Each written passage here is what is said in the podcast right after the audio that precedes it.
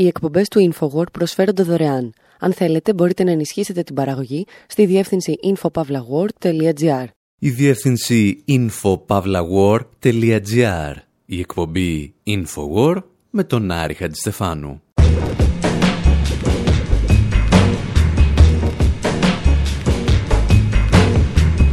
Όπου σήμερα παρακολουθούμε κάτι εκλογές στην Κολομβία και αναρωτιόμαστε αυτούς γιατί δεν θέλει να τους βομβαρδίσει κανένας;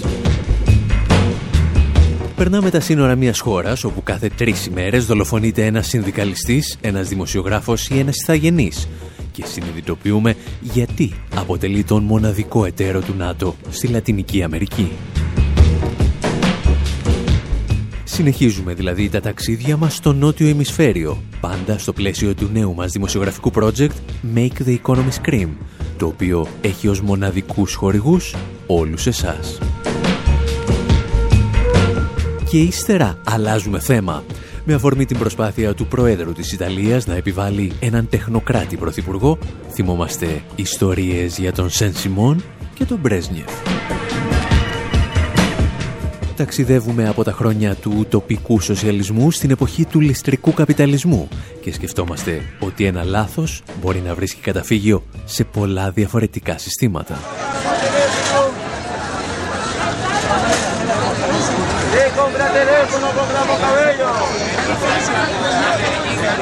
Απόγευμα 23 Μαΐου 2018 Βρίσκομαι στη γέφυρα Σιμών Μπολιβάρ που ενώνει την πόλη Σαν Αντώνιο της Βενεζουέλας με την Κούκουτα της Κολομβίας.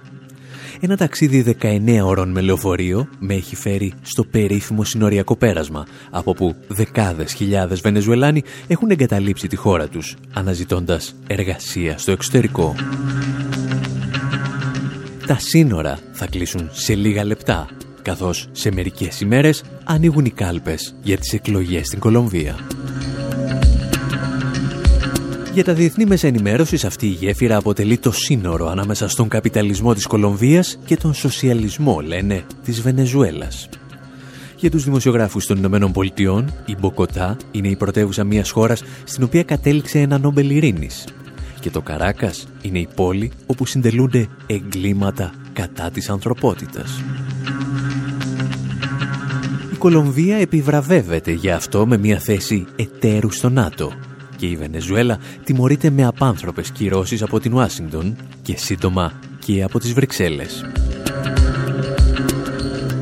Η δική μου εντύπωση όμως είναι ότι τα πράγματα θα έπρεπε να είναι ελαφρώς αντίστροφα. Για να μιλήσουμε όμως για εγκληματίες και για εκλογές νοθείας θα πρέπει να ταξιδέψουμε μερικές δεκαετίες πίσω και θα το κάνουμε για άλλη μια φορά με τη βοήθεια της τηλεσυράς «Νάρκος» για τη ζωή του Παύλο Εσκομπάρ στην Κολομβία.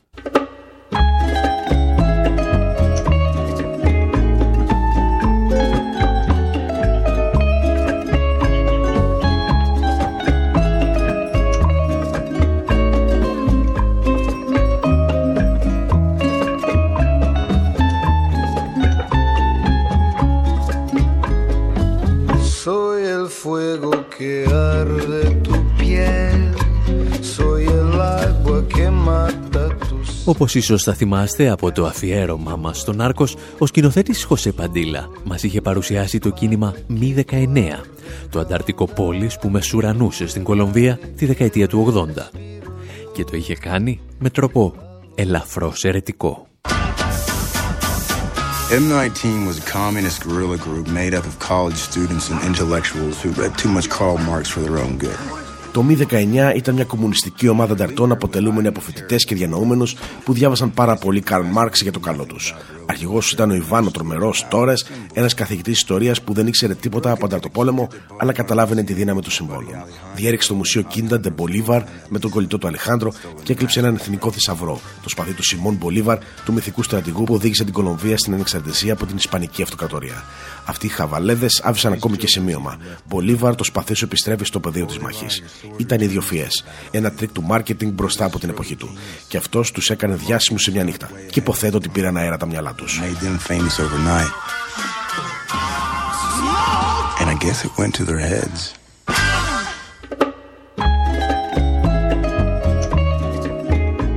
Ο Παντήλα αναπαράγει εδώ όλα τα φιλελεύθερα και δεξιά στερεότυπα για τα αριστερά αντάρτικα της Κολομβίας.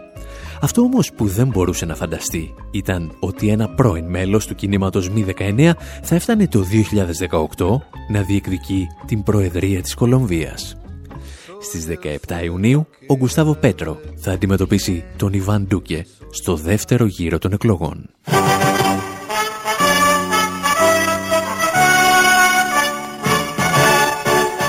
Για την ιστορία, το Μη 19 γεννήθηκε ως αντίδραση στις εκλογές νοθείας που πραγματοποιήθηκαν στην Κολομβία το 1970. Και αυτή η ιστορία παίζει περίεργα παιχνίδια στους πρωταγωνιστές της. Τώρα που οι αντάρτες άφησαν τα όπλα και διεκδικούν την εξουσία με την ψήφο, ο Πέτρο άρχισε να καταγγέλει νοθεία πριν ακόμη από τον πρώτο γύρο. Τα εξηγούσε η ανταποκρίτρια στην Κολομβία του λατινοαμερικάνικου δικτύου, Τελεσούρ. Just days before presidential elections, Gustavo Petro reported an imminent electoral fraud case, which questions the transparency of the process. Λίγες μόλις μέρες πριν από τις προεδρικές εκλογές, ο Γκουστάβο Πέτρο κατήγγειλε το ενδεχόμενο εκλογικής νοθείας.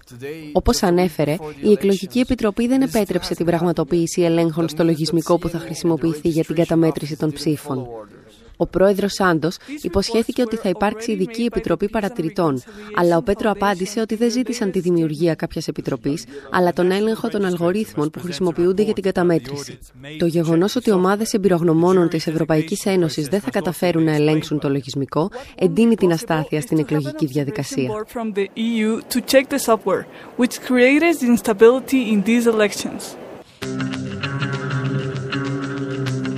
Παραδόξως αυτές οι καταγγελίες πέρασαν στα ψηλά των διεθνών μέσων ενημέρωσης. Αντίθετα, όταν η αντιπολίτευση στη Βενεζουέλα κατήγγειλε νοθεία πριν από τις εκλογές, χωρίς να παρουσιάσει κανένα αποδεικτικό στοιχείο, η Ουάσιγκτον αποφάσισε αμέσως να επιβάλλει νέες κυρώσεις στο Καράκας. Οι καταγγελίες όμως για νοθεία στην Κολομβία συνεχίζονταν και μετά τις εκλογές. Ιστορίες για να έχουμε να λέμε ύστερα από ένα μικρό διάλειμμα.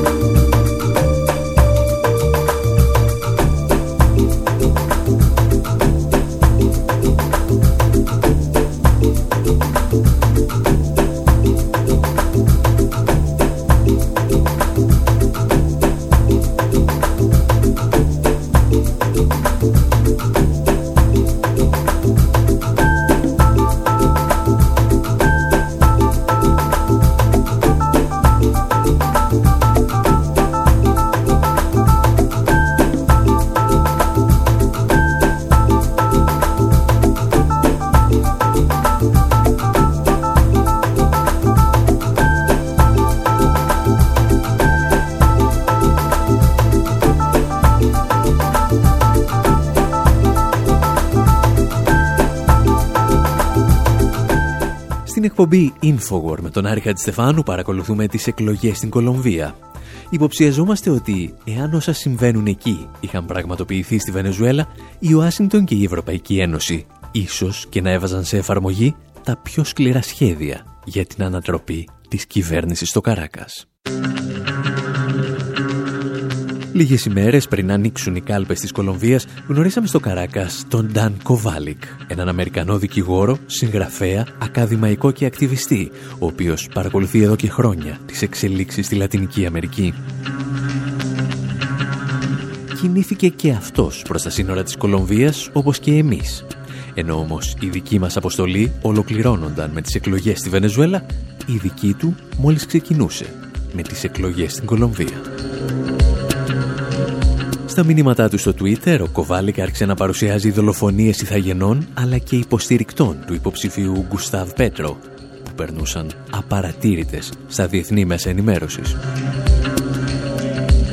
Λίγα 24 ώρα μάλιστα πριν ανοίξουν οι κάλπες, κάποιοι πλησίασαν την αποστολή του, νομίζοντας ότι πρόκειται για ψηφοφόρους και προσπάθησαν να τους δωροδοκίσουν για να μην ψηφίσουν τον Πέτρο.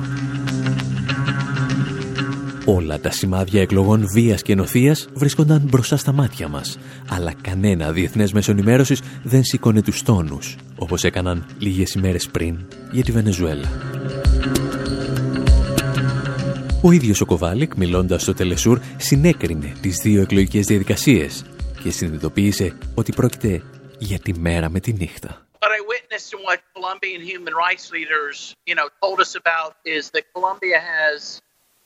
you know, frankly, a very Αυτό που διαπίστωσα και αυτό που μας είπαν ηγετικά στελέχη ανθρωπιστικών οργανώσεων είναι ότι το εκλογικό σύστημα της Κολομβίας είναι ιδιαίτερα παροχημένο. Οι άνθρωποι μπαίνουν σε ένα κουτί από χαρτόνι και συμπληρώνουν με μολύβι το ψηφοδέλτιο. Κυρίως όμως δεν υπάρχει τρόπος ανεξάρτητης επιβεβαίωσης των αποτελεσμάτων. Δεν μπορείς να γνωρίζεις αν κάποιος ψήφισε περισσότερες φορές.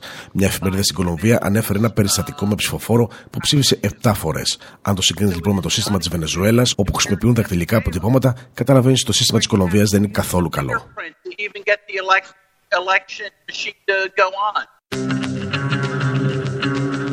Κάθε μία από τις αποκαλύψεις που πραγματοποιούσε ο Κοβάλικ με τα μηνύματά του στο Twitter θα προκαλούσαν διεθνή σάλο, αν αναφέροντας στη Βενεζουέλα. Εκεί κάθε φράση της αντιπολίτευσης, όσο αστήρικτη και αν ήταν, γινόταν είδηση σε μερικά δευτερόλεπτα. Στην Κολομβία όμως επικρατούσε άκρα του τάφου σιωπή.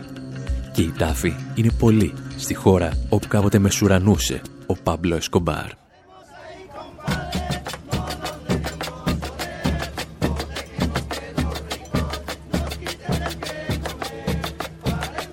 Στο ντοκιμαντέρ Killing with Impunity που κυκλοφόρησε πρόσφατα από το περιοδικό The Atlantic μαθαίνουμε ότι κάθε τρεις ημέρες δολοφονείται στην Κολομβία ένας ηθαγενής ή συνδικαλιστής που μάχεται για τη γη του ή την εργασία του.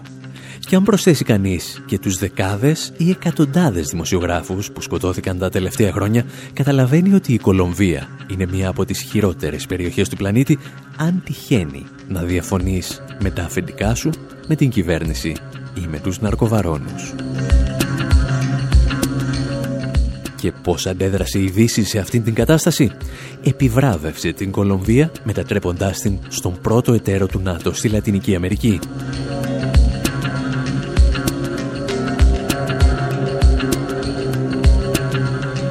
Λίγες ώρες μετά την ανακοίνωση ότι η Κολομβία εντάσσεται έστω και από το παράθυρο στη Βορειοατλαντική Συμμαχία, ο πρώην Υπουργός Εξωτερικών του Ισημερινού, Γκίγιομ Λούγκ, εξηγούσε τι σημαίνει αυτό για ολόκληρη τη Λατινική Αμερική; I think it's uh, very sad news. Um, I remember expressing uh, my discomfort with the fact at the time when I was foreign minister uh, to uh, my colleague Maria. Πρόκειται για μια πολύ δυσάρεστη είδηση. Θυμάμαι είχα εκφράσει την ησυχία μου στον κολομβιανό ομολογό μου όταν η χώρα του απέκτησε καθεστώς παρατηρητή στο ΝΑΤΟ.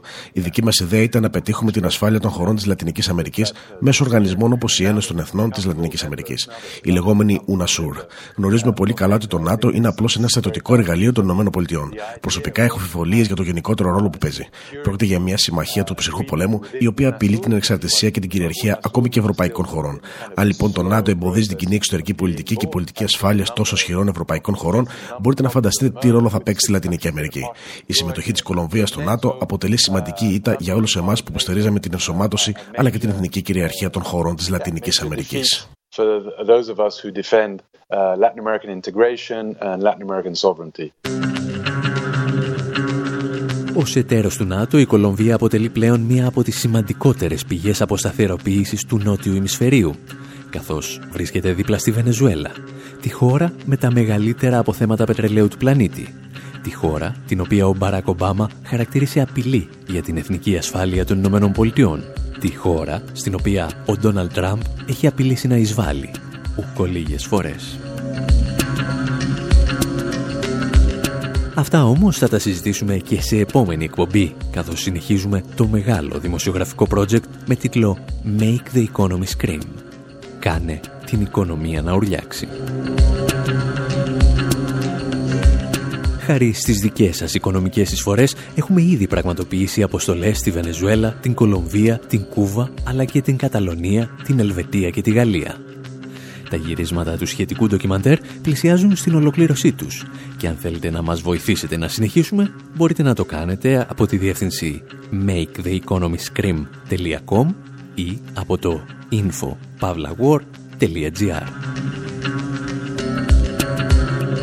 Προς το παρόν πάντως μένετε εδώ καθώς εμείς θυμόμαστε τους τεχνοκράτες που κάποιοι θέλησαν να επαναφέρουν στη γειτονική Ιταλία και όχι μόνο.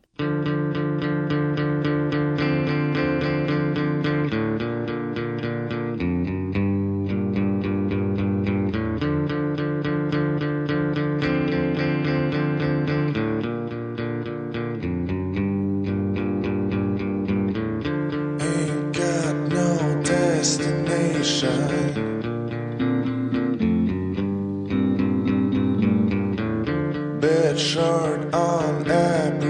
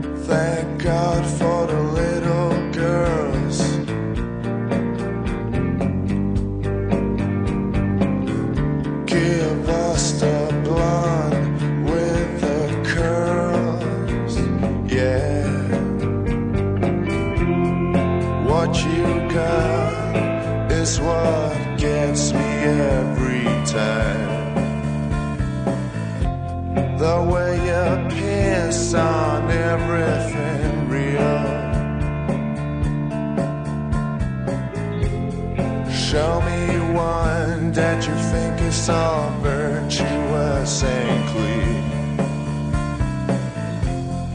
And I'll show you what I mean. No boots and no direction.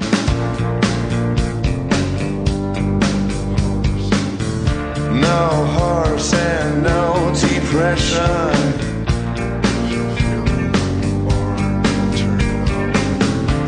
no boring conversation.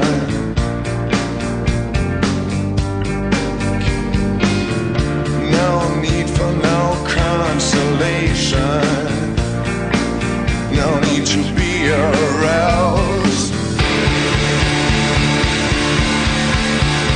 Yeah, lipstick lettering.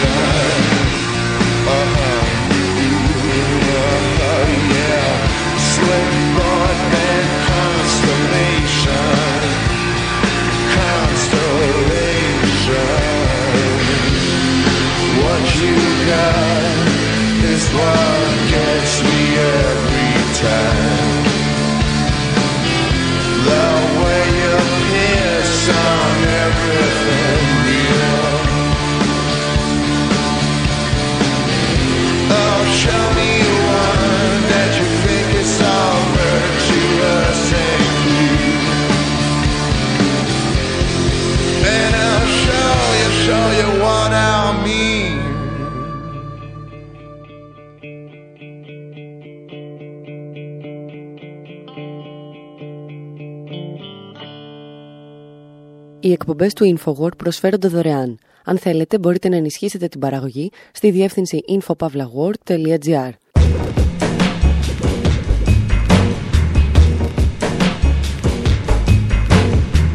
όπου σήμερα συζητάμε για δικτάτορες που έγιναν τεχνοκράτες και τεχνοκράτες που έγιναν δικτάτορες.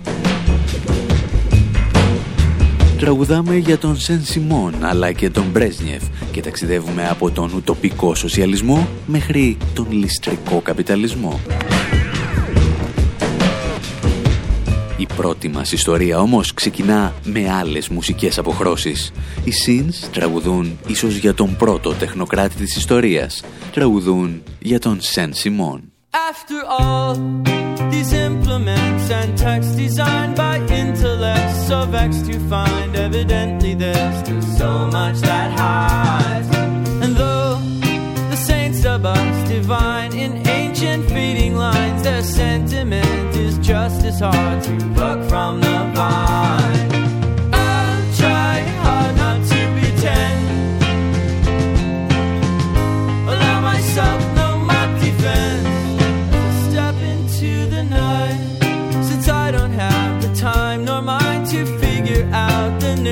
Rhymes that helped us out and make a sense of our lives. The cruel, uneventful state of apathy releases me. I value them, but I won't cry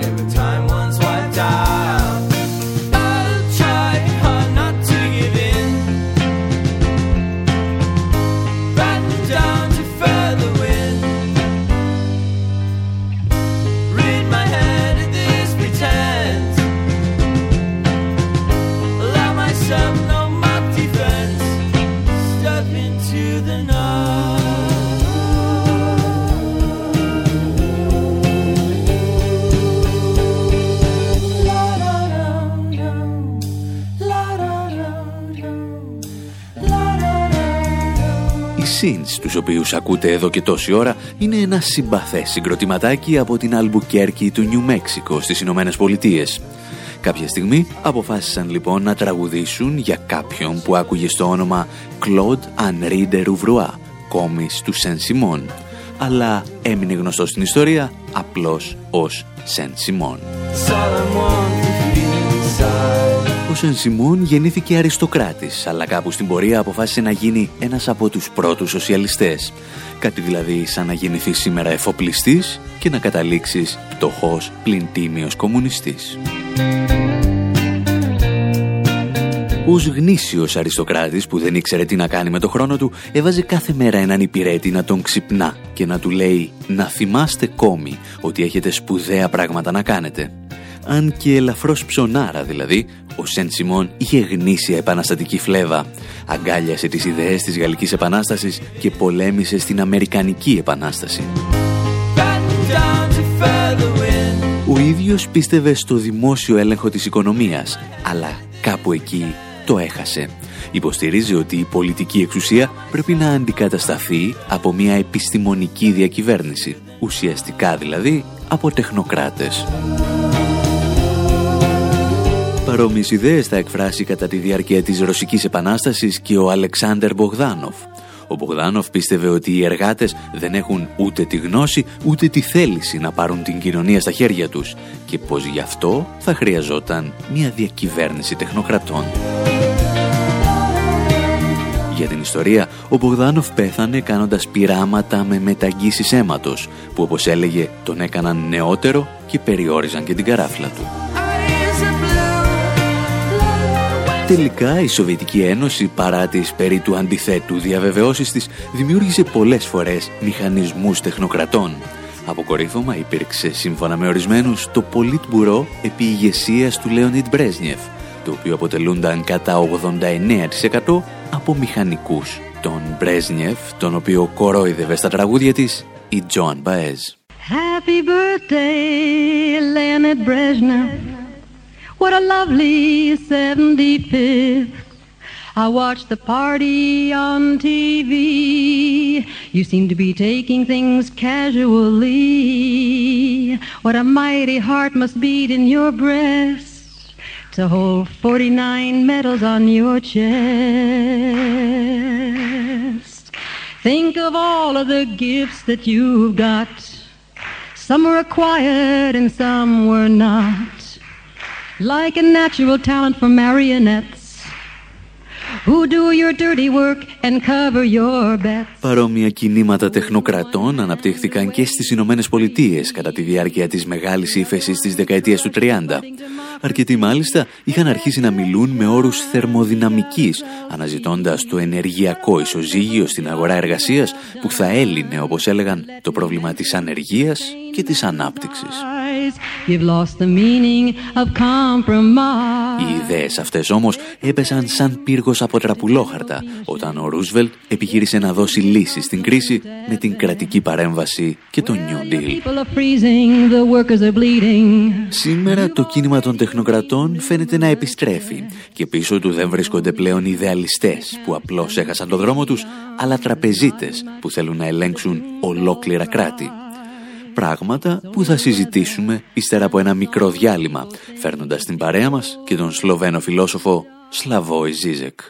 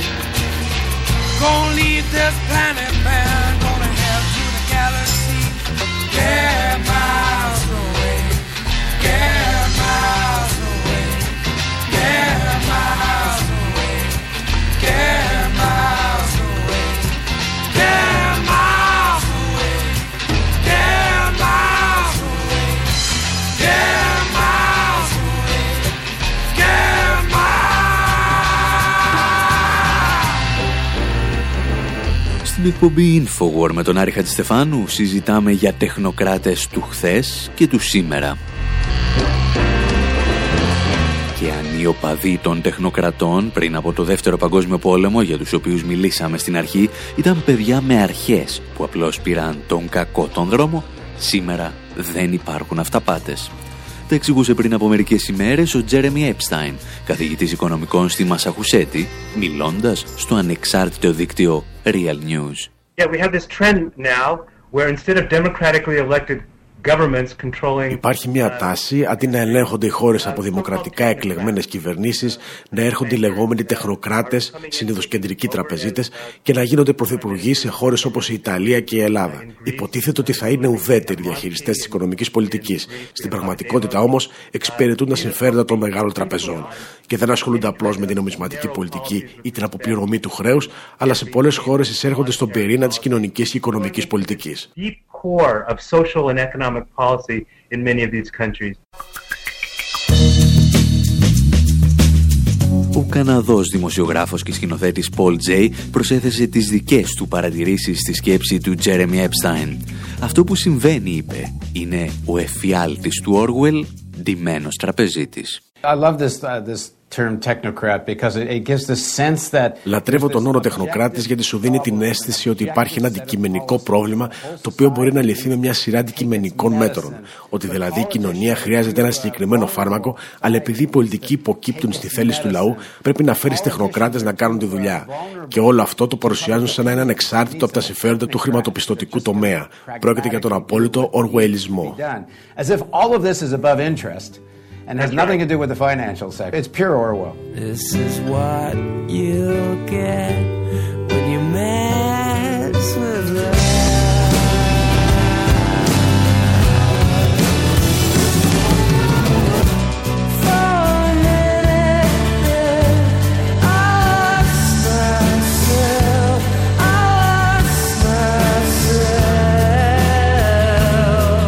Και ενώ οι Radiohead δανείζονται ιδέες από το 1984 του Orwell, εμείς θελήσαμε και μια δεύτερη γνώμη για την διστοπική κοινωνία των τεχνοκρατών. Ταξιδέψαμε λοιπόν μέχρι το Λονδίνο και συναντήσαμε τον Σλοβαίνο φιλόσοφο Σλαβόι Ζίζεκ. Στο τελευταίο του βιβλίο, ο Ζίζεκ προέβλεπε ότι η Δύση θα φλερτάρει με το μοντέλο ανάπτυξης της Ασίας, καπιταλισμός χωρίς δημοκρατία ή όπως λέει καπιταλισμός με ασιατικό πρόσωπο. Η συνάδελφος Κατερίνα Κιτίδη τον ρώτησε λοιπόν εάν αυτός ο καπιταλισμός χωρίς δημοκρατία εφαρμόζεται ήδη στην Ευρώπη από μη εκλεγμένους τεχνοκράτες. You don't have one unilateral model. We will have different models. We have this... Δεν υπάρχει ένα ενιαίο μοντέλο, αλλά πολλά διαφορετικά. Ο άμεσος αυταρχισμός των λεγόμενων ουδέτερων τεχνοκρατών είναι ένα από αυτά τα μοντέλα. Όλα τα μοντέλα όμως οδηγούν άμεσα ή έμεσα στην ακύρωση της δημοκρατίας. Η ιδέα είναι ότι σας αφήνουμε να παίζετε με τη δημοκρατία μόνο υπό όρους. Όταν τα πράγματα σοβαρεύουν, η εξουσία περνάει στους ειδικούς. Δεν έχουμε καιρό να παίζουμε τα παιχνίδια σας. Our new capitalism, post-democratic, let's call it, I'm not saying it will be... Στον δικό μας καπιταλισμό, ας τον ονομάσουμε μεταδημοκρατικό, ο αυταρχισμός τουλάχιστον στην επιφάνεια δεν θα είναι τόσο αυταρχικός όσο στη Σιγκαπούρη ή την Κίνα. Θα έρχεται σε διαφορετικές γεύσεις. Αυτό συμβαίνει λόγω χάρη στη Ρωσία, όπου έχουμε μια νέα αυταρχική μορφή. Exactly the same.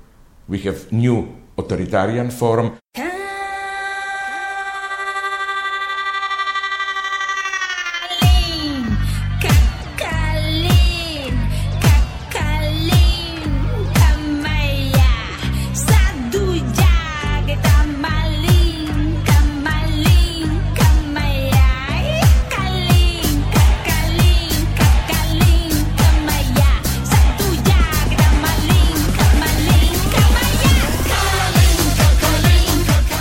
Η Ρωσία δοκιμάζει τον αυταρχισμό του Πούτιν, εμείς θέλαμε να μάθουμε ποιους στόχους εξυπηρετεί άμεσα η κυριαρχία των τεχνοκρατών στην Ευρωπαϊκή Ένωση.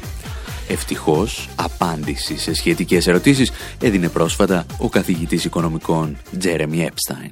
Another important goal of of these kinds of so-called technocratic Ένας άλλος σημαντικός στόχος των λεγόμενων τεχνοκρατικών πολιτικών είναι να συνθλίψουν την εργατική νομοθεσία. Στην Ιταλία, λόγω χάρη, υπάρχει προστασία των εργαζομένων για προσλήψεις και απολύσεις. Αυτοί επιχειρούν να επιβάλλουν την λεγόμενη ελαστικότητα στην αγορά εργασίας, λέγοντας ότι έτσι επιτυχάνεται ανάπτυξη και απασχόληση. Όπως απέδειξαν όμως ερευνητές, όπως ο David Howell και ο Dean Baker, η ελαστικότητα δεν προσφέρει απασχόληση και ανάπτυξη, αλλά μόνο χαμηλούς μισθούς και υψηλά κέρδη. Economic growth. It just leads to lower wages and, and higher profit. Η εργατική νομοθεσία λοιπόν είναι ένας από τους βασικούς στόχους των τεχνοκρατών, οι οποίοι εξυπηρετούν πάντα τις οικονομικές ελίτ και μόνο αυτές. Ένας δεύτερος στόχος των τεχνοκρατών, εξηγούσε ο Επστάιν μιλώντας πάντα στο The Real News Network, είναι να μειώσεις τις συντάξεις.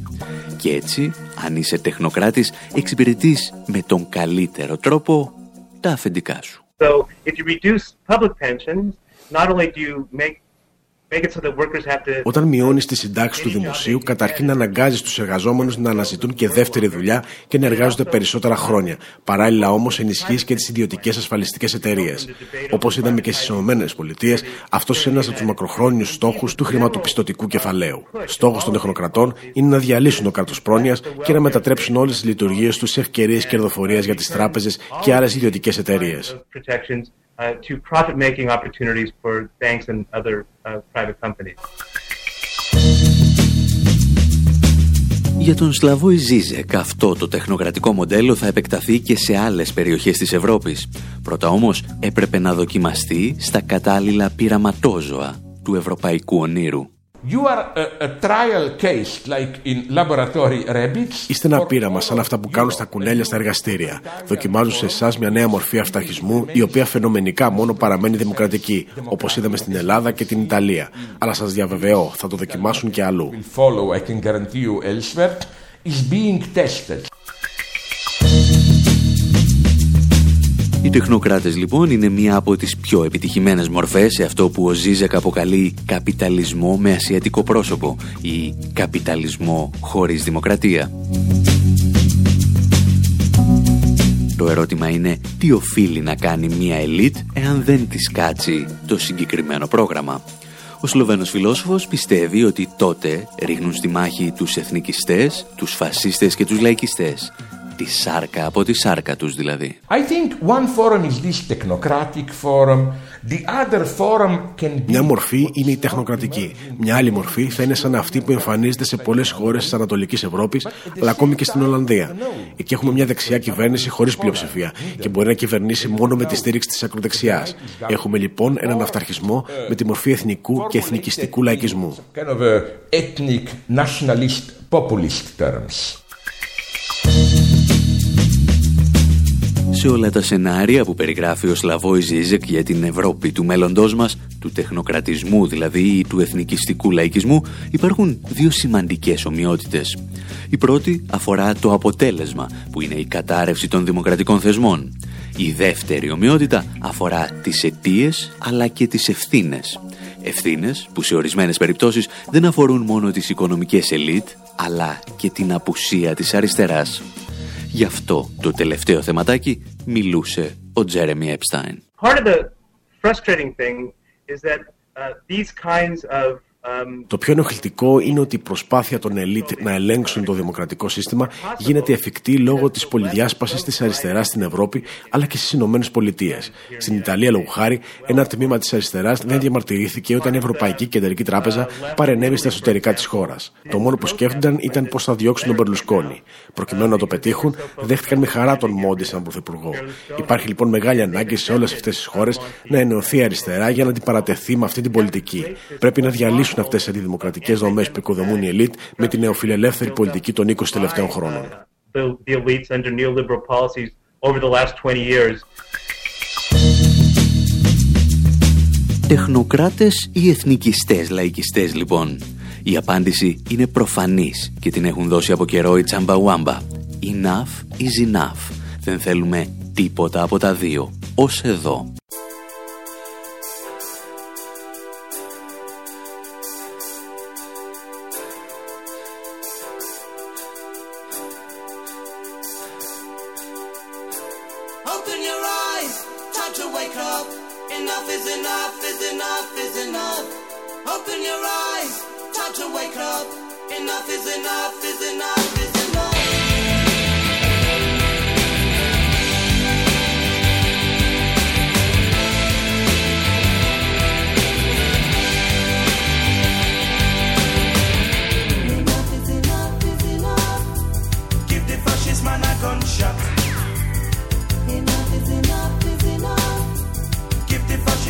Gunshot.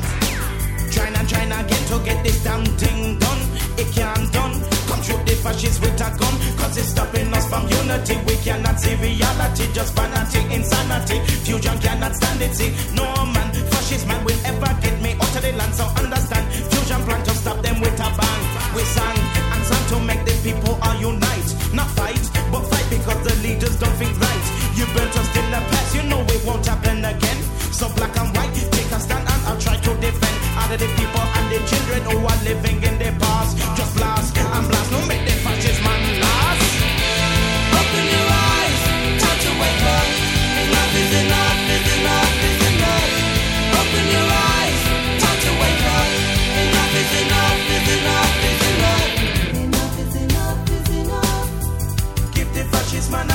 a. Enough is enough, is enough. Give the fascist man a gunshot. Ah, on and on and on, you know they feeling so strong. So long, it's wrong. I'm telling you, it's wrong. Destruction, confusion, and blaming it on the color. I wonder in horror, cause the people start to follow. All the leaders and the rulers who are putting up defense. It's tense, immense, and you say you're talking sense. Bull, bull, I want to say it you know what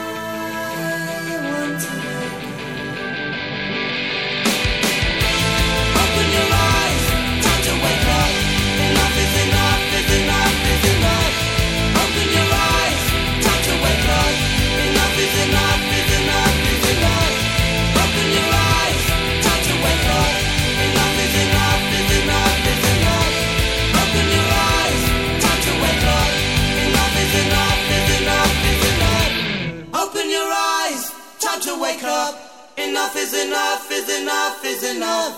Open your eyes, time to wake up. Enough is enough, is enough, is